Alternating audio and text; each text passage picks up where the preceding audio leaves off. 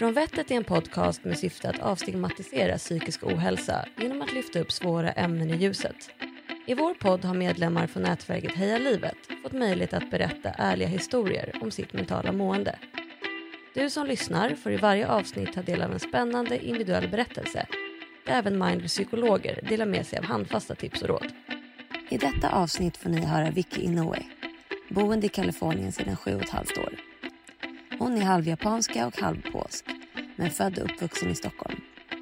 Ni får höra Vicky prata om känslan av att inte passa in, att tvivla på sina förmågor och inte känna sig tillräckligt bra i ett sammanhang. Hon delar sin erfarenhet kring känslan av att man fejkar och stressen för att bli påkommen med att vara en bluff. Det som kallas imposter syndrome. Psykolog Susanne Mobarke delar i avsnittet tankar och råd om just detta som många kan ha känt någon gång.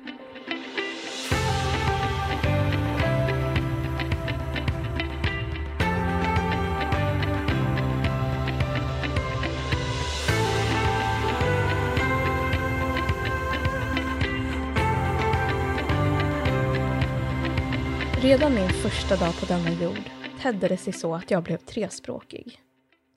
Mina föräldrar hade alltså kommit till Sverige från Japan och Polen och nu föddes jag här och skulle komma att bli ett så kallat third culture kid här i Stockholm.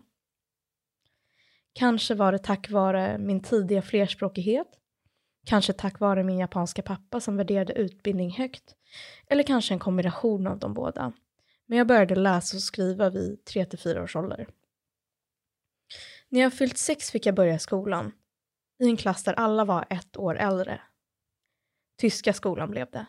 Känd för att vara hård och där fokus låg på utbildning snarare än att alla ska få vara med och leka så att säga. Som de mjäkiga svenska skolorna enligt mina föräldrar.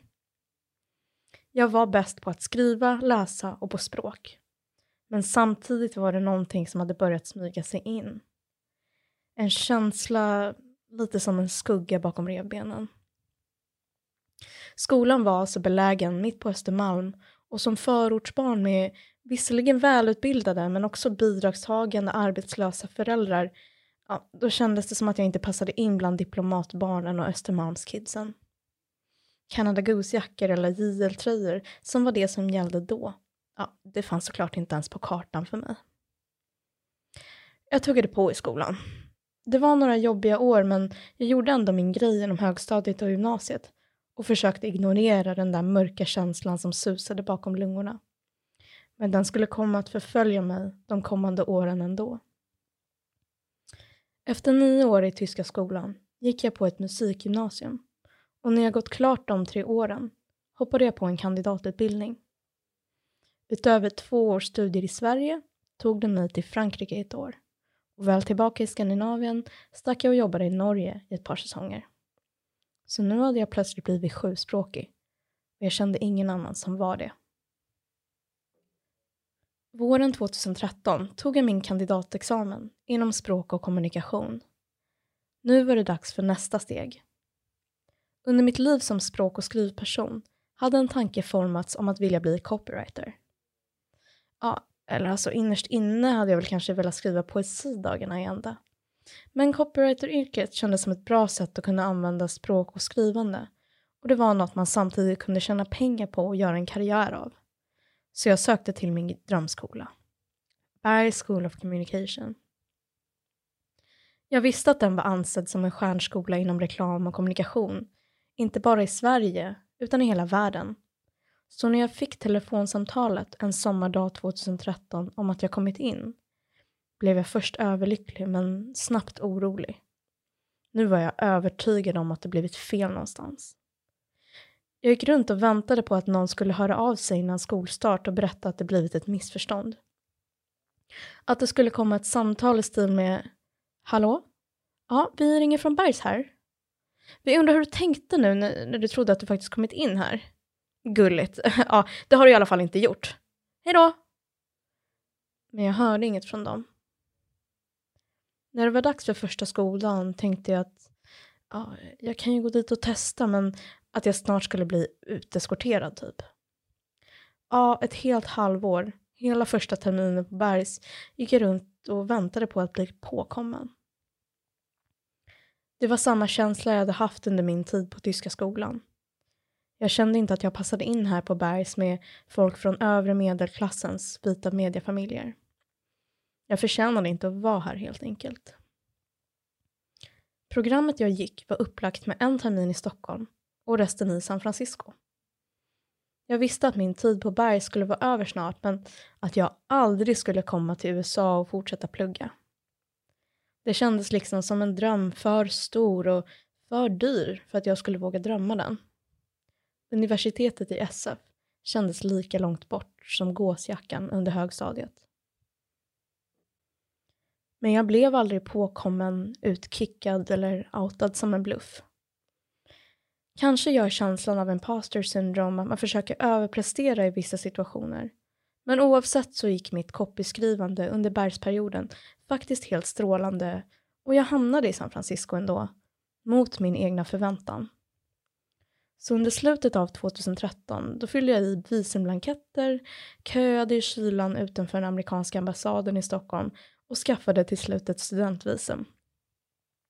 Och i januari 2014 hade jag en envägsbiljett till USAs västkust. Jag hamnade alltså på masterprogrammet på Academy of Art i San Francisco trots allt. Det blev två och ett halvt år av reklamplugg, festande och turistande i min nya stad. Plugget gick faktiskt väldigt bra. Det kändes bra. Och 2016 sprang jag ut i majsolen med svart kåpa och fyrkantig graduation hatt. Jag hade aldrig kunnat se mig själv här några år tidigare, men nu var det verklighet. Nu var det dags för mig att stiga ut i det amerikanska arbetslivet där ute. Det fanns en hel ny värld av byråer och företag jag drömde om.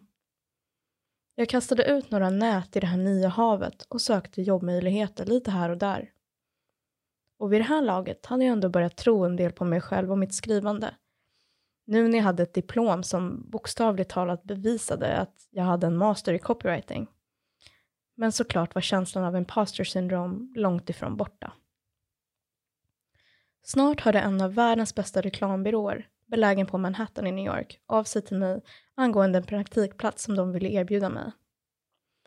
Tack och lov behövde de svar inom 24 timmar, så jag var tvungen att tacka ja utan att ha för lång tid att tänka och börja tvivla. Jag packade ihop mina grejer i lådor och några dagar senare hoppade jag på ett plan. Flyttade in i en skrubb på 35th and 3rd och varje morgon pendlade jag till byrån på södra Manhattan. Men känslan var såklart tillbaka och skavde under den här tre månadersperioden som jag praktiserade där. Det var inte det att jag kände mig som en imposter jämfört med de andra anställda, utan även bland de andra praktikanterna.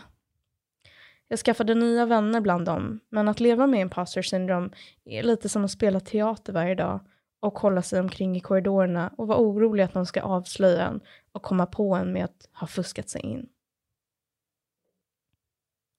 Mot slutet av min praktik var det dags att söka heltidsjobb. Jag skickade iväg mejl till företag och i byråer både i New York och min gamla hemstad San Francisco. Och efter bara fyra månader i New York tog jag mitt pick och pack och flög västerut igen. För jag hade fått en heltidstjänst på Apple i Silicon Valley. Det vibrerade inombords av känslor. Jag började på Apple och med tanke på den jag är, en ung icke-vit tjej, tatuerad och högljudd, både såg och kände jag snart att jag inte hörde hemma här. Både inifrån och utifrån. Det var så dubbelt. Å ena sidan kunde jag känna att mitt skrivande är bra, att jag kan det man gör här. Jag var stolt över mig själv och min kompetens. Och jag fick ju faktiskt höra var och varannan dag att folk trodde jag var amerikan när de hörde min engelska. Och som copywriter på Apple, ja då är det faktiskt mitt jobb att kunna det engelska språket minst lika bra och kanske till och med bättre än de som har engelska som sitt första språk. Och jag försökte påminna mig själv om att engelska faktiskt var mitt femte. Men å andra sidan kände jag tvivel även utifrån den här gången. Den vita mansdominerade arbetskulturen inom techvärlden i Silicon Valley, ja, den fostrar inte direkt inklusivitet. Så avviker man från normen ifrågasätter folk en ofta. Länge hade tvivlet kommit inifrån mig själv, Men när dåliga chefer särbehandlar en negativt på andra grunder än sin kompetens, ja, då bekräftas ens tvivel att man inte hör hemma här, att man inte besitter kunskapen som krävs för jobbet och att man på något sätt fuskat sig in. Den dåliga chefen jag hade just då fick mig att tro att jag helt enkelt var kass på att skriva och att jag var lite av ett lost case. Det gjorde att minnen från alla andra gånger jag tvivlat sköljdes upp i mitt medvetande igen och gjorde sig påminda. Det har liksom gått som en röd tråd genom livet, att jag viftat bort min egna kompetens eller det jag åstadkommit och allt kom upp till ytan igen. Jag hörde ekot av min inre röst. Ja, jag råkade ju bara kunna massa språk av en tillfällighet. Jag har ju fått dem gratis genom mina föräldrar eller där jag bott och inte för att jag pluggat hårt.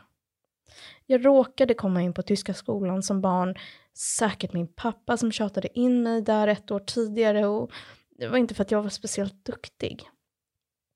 Jag råkade komma in på Bergs. Det var säkert massor som tackade nej innan mig. Eller så kanske de bara behövde kvotera in någon som inte var vit i klassen för att ja, det skulle se bra ut. Jag råkade få praktik på en av världens främsta reklambyråer. Det måste också bara blivit så, säkert många innan mig som hade tackat nej till samma plats. Och på Apple hade jag också bara råkat få jobb säkert för att ja, det, det fanns säkert någon bra anledning för det med. Alla de här ursäkterna har följt mig genom livet som en tung skugga. Men inte förrän nu på senare år har jag börjat fighta tillbaka och äntligen ta tillbaka min egna story och mitt narrativ. Jag har behövt påminna mig själv om det flera gånger, men jag är faktiskt otrolig på språk och alla rum jag klivit in i har jag fått kliva in i för att jag kan skriva. Jag har hållit på med språk och skrivande hela livet och det har varit mitt heltidsjobb i flera år nu. Det är klart jag kan det. Alla arbetsplatser jag varit på har anställt mig för att jag är expert på mitt område. De betalar mig för det. Det tog ett tag att komma hit men numera vägrar jag att säga att det har något med tur eller tillfällighet att göra. När det kommer till de här grejerna vet jag nu att det är talang, hårt arbete eller båda två som tagit mig dit jag är.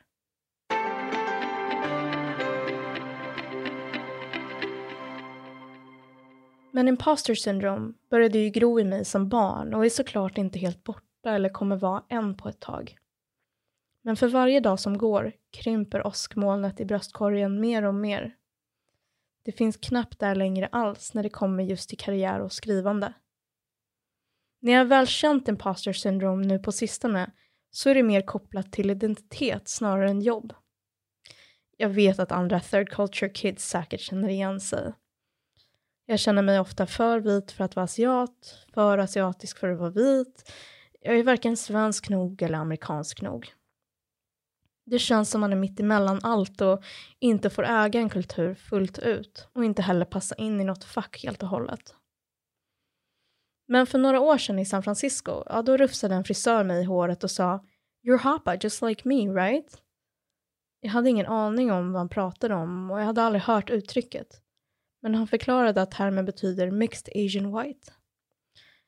Under uppväxten i Sverige hade jag alltid känt mig som något annat och jag hade såklart aldrig träffat någon annan polack-japan heller. Men sen jag flyttade till Kalifornien, såg andra mixed asians och hittade termen hapa har jag känt mig så mycket mer hemma i min identitet. Det känns som jag hittat hem. Och det känns som att en av de bästa medicinerna mot imposter syndrom är att se andra som liknar en själv i liknande sammanhang. Representation betyder så mycket, både på arbetsplatsen och i vardagen utanför den. Men det kan också vara lätt att blanda ihop imposter syndrom med att bara vara ny på något. Man får komma ihåg att det både är vanligt och väntat att vara rent av dålig på något i början. Men att vara osäker som nybörjare är inte imposter syndrom. Det är bara en inlärningskurva och en startsträcka.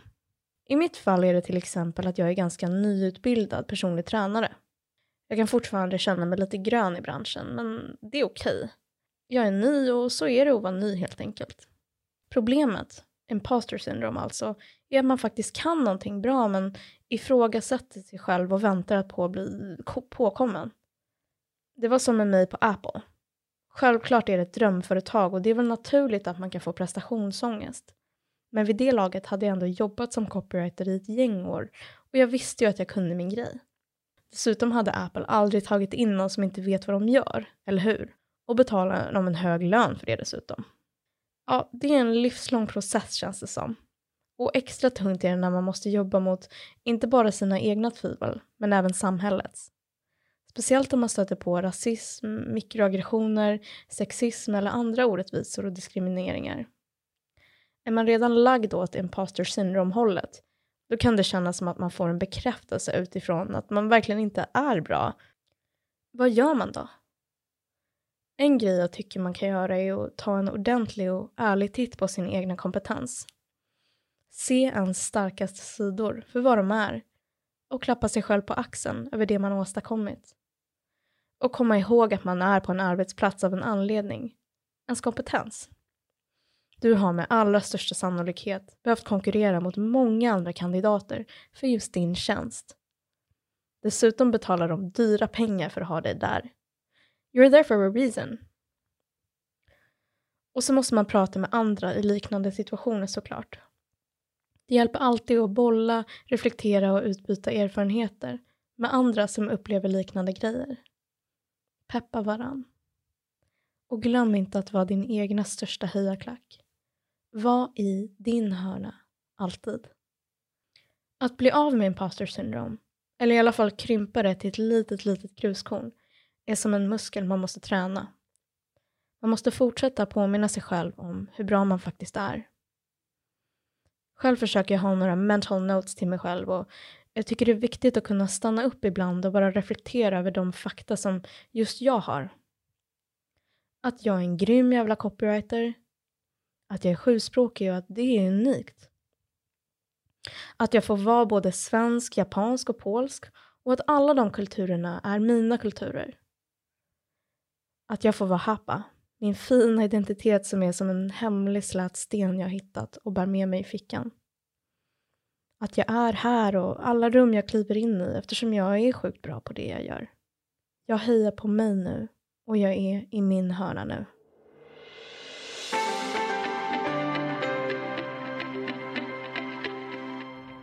Jag heter Susanne Moberke Hall och är legitimerad psykolog. Imposter syndrome, eller bluffsyndromet som det ibland kallas för på svenska, är när personer inte tror sig förtjäna den uppskattning de får, tvivlar på sin kompetens och tänker att de kommer bli avslöjade som en bluff. Det som ofta också präglar imposter syndrome är en tro om att inte passa in och att det är ren tur när du åstadkommit någonting. Att med andra ord inte kunna äga dina framgångar. Om du känner igen dig i beskrivningen av bluffsyndromet är du i gott sällskap. För idag föreslår nämligen forskning att ungefär 70 procent av befolkningen besväras av imposter syndrome någon gång under sin livstid. Imposter syndrome är inte en officiell eller erkänd diagnos, men med det sagt kan den ändå vara väldigt besvärande för den som tampas med det. Sen är det också tänkbart att imposter syndrome kan påverka eller ge upphov till annan psykisk ohälsa, till exempel ångest eller nedstämdhet. Imposter syndrome uppmärksammades för första gången på 70-talet och då bland högpresterande kvinnor. Idag vet vi att både män och kvinnor kan utveckla det och många studier visar att de drabbas i ungefär lika hög utsträckning. I själva verket går imposter syndrom att hitta hos alla möjliga människor oavsett kön, ålder, typ av sysselsättning, yrkesroll eller social status. Det som sticker ut lite grann är att flera studier pekar på att imposter syndrom är vanligt förekommande bland etniska minoriteter. Många gånger kan det vara tryggt att veta att personer utan imposter syndrom inte är mer kapabla, kompetenta eller intelligenta än personer med imposter syndrom. De har bara ett annat sätt att se på sig själva som inte präglas av föreställningen om att de skulle vara en bluff. Så hur kommer det sig då att vissa utvecklar imposter syndrome? Ja, forskning har kunnat ringa in både bakomliggande inre och yttre faktorer och utlösande faktorer. Vad gäller inre faktorer, alltså faktorer som kommer inifrån en själv, så visar forskning att det finns vissa personliga egenskaper som tycks hänga samman med imposter syndrome. Att vara perfektionistiskt lagd, ha en låg tilltro till sin förmåga att klara av specifika situationer och att luta mer åt att vara neurotisk än emotionellt stabil är exempel på sådana egenskaper. Sen finns det också yttre faktorer som kan påverka uppkomsten av imposter syndrome. Det vill säga faktorer som ligger utanför en själv och har att göra med den sociala kontexten personen befinner sig i. Att till exempel vistas i sammanhang och miljöer som präglas av stor konkurrens eller intensiva påtryckningar om att prestera väl kan utgöra en grogrund till imposter syndrome. En annan tänkbar bidragande faktor är om du utgör en minoritet i ett särskilt sammanhang. Om du befinner dig i en miljö där få personer har till exempel samma könstillhörighet, könsidentitet eller etniska tillhörighet som dig själv, så tros det kunna påverka uppkomsten av imposter syndrome. Möjligtvis på grund av en känsla av utanförskap. När det kommer till utlösande faktorer har det visat sig att bluffsyndromet kan sätta igång eller växa sig starkare när en person uppnår framgång. Till exempel får ett nytt jobb, blir befordrad, vinner priser eller på annat sätt uppmärksammas och hyllas för sina prestationer. Att personen då tänker att det här händer bara tack vare tur eller bra timing och att ens omgivning än en gång gått på bluffen om en själv som kompetent och kunnig. Det finns teorier om att imposter syndrome tar sig olika uttryck för olika människor. För enkelhetens skull så brukar det beskrivas som olika typer och då har vi perfektionister, naturliga genier, experter, individualister och supermänniskor. Den första typen, perfektionisten, ställer extremt höga krav och förväntningar på sig själv. Även om perfektionister skulle uppnå 99% av sina mål så skulle de känna sig misslyckade över den där uteblivna procenten. Varje litet misstag får dem att ifrågasätta hela sin kompetens. Naturliga genier tänker att de måste lära sig saker snabbt och utan ansträngning för att vara verkligt kompetenta.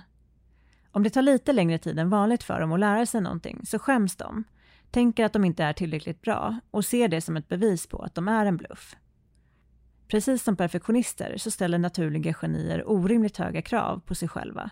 Dessutom med tillägget att de ska lära sig saker snabbt och att de ska göra helt rätt från första början. Sen finns den så kallade experttypen som är rädd att aldrig kunna saker tillräckligt bra och som därför skräms av tanken på att framstå som okunnig inför andra.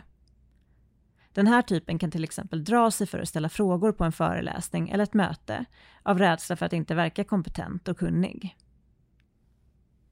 Individualister tänker att de måste utföra uppgifter helt på egen hand. Och skulle de råka behöva be om hjälp tror de att det betyder att de är misslyckade. Sist men inte minst så har vi alla så kallade supermänniskor som pushar sig själva till att arbeta hårdare än andra för att bevisa att de inte är en bluff.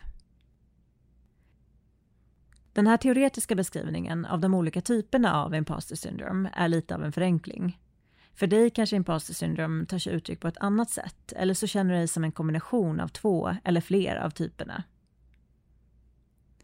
Så vad kan man då göra åt det här? Ja, det finns många strategier man kan ta till för att luckra upp det här sättet att tänka på och skapa en mer realistisk syn på sig själv.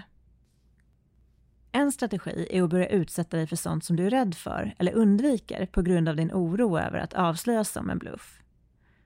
Om du börjar utsätta dig för situationer som du i dagsläget drar dig för så kommer du få möjlighet att testa dina föreställningar om dig själv och förväntningar om vad du tror kommer hända.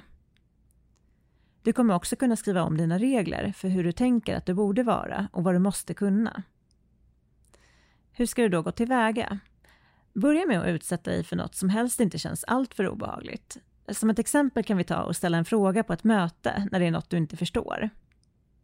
Innan du genomför ett sånt här beteendeexperiment, som det kallas, fundera över vad du tror att andra kommer säga eller göra och hur du själv tror att du kommer tänka och känna om du ställer en fråga. Testa sen att göra det och utvärdera hur det faktiskt gick. Efter att ha genomfört experiment som det här så upptäcker många att deras negativa förutsägelser inte är sanna eller åtminstone överdrivna. Till exempel så tittar kanske inte kollegor konstigt på dig eller kommenterar att det där borde du veta bara för att du ställer en fråga.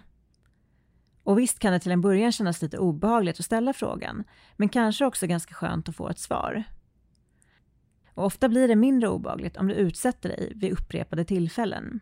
Du vänjer dig helt enkelt av vid obehaget.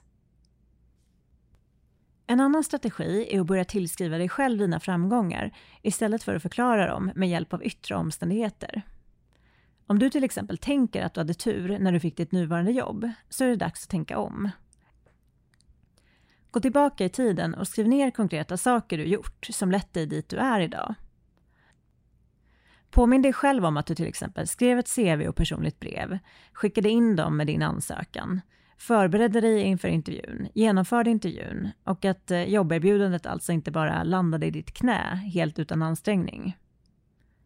Försök också att blicka inåt mot dina personliga egenskaper och se hur ditt sätt att vara på har lett till framgång. Du kanske är tydlig och rak, empatisk eller flexibel och det kanske faktiskt är de egenskaperna som förklarar varför du är där du är idag och inte simpel tur. Sett till ren sannolikhet så är det ganska osannolikt att vara tursam så pass ofta som ditt imposter syndrom nog talar om för dig att du är. Kom ihåg att det här inte handlar om att skapa en prestationsbaserad självkänsla, utan om att skilja tolkningar från faktiska omständigheter genom att samla in fakta som motbevisar att du glidit på en räkmacka hela livet och som bevisar att du gjort dig förtjänt av dina framgångar och hör hemma precis där du är. En tredje strategi är att öppna dig och prata med andra människor om hur du känner. Många känner igen sig i imposter syndrome, men eftersom de flesta ser det som en hemlighet som måste skyddas till varje pris, så är det få som talar högt om tanken på att de är en bluff. Påminn därför dig själv om att du inte är den enda och kom ihåg det jag nämnde i början. Att 70% besväras av imposter syndrome någon gång i livet. Försök att bolla med andra hur du tänker om dig själv, till exempel nära vänner eller kollegor som du känner dig trygg med. Du kommer nog upptäcka att du inte är ensam. Och om vännerna eller kollegorna inte känner igen sig så får du ta del av nya perspektiv och deras säkert ganska uppfriskande sätt att se på det hela. Om det känns för främmande och svårt att prata med vänner eller kollegor kanske du kan hitta en mentor att anförtro dig åt. Om du befinner dig i en miljö som är prestationsinriktad så kan det vara en bra idé att vända dig till en mentor som står utanför den miljön för att få nya infallsvinklar på saker och ting. Sist men inte minst, om du märker att imposter syndrome har en negativ påverkan på ditt mående och ditt sätt att fungera i vardagen, så föreslår jag att du vänder dig till en professionell samtalskontakt, till exempel en legitimerad psykolog, för hjälp. För då kan du få en skräddarsydd behandling med ännu fler konkreta strategier för hur du kan gå från att tänka att du är en bluff till att skapa en snällare och mer verklighetsförankrad syn på dig själv.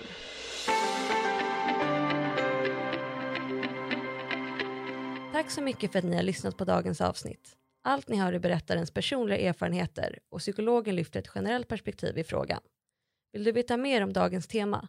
Gå in på hemsida mindlen.se frånvettet där du hittar mer information och fler tips på andra organisationer för att söka stöd och hjälp.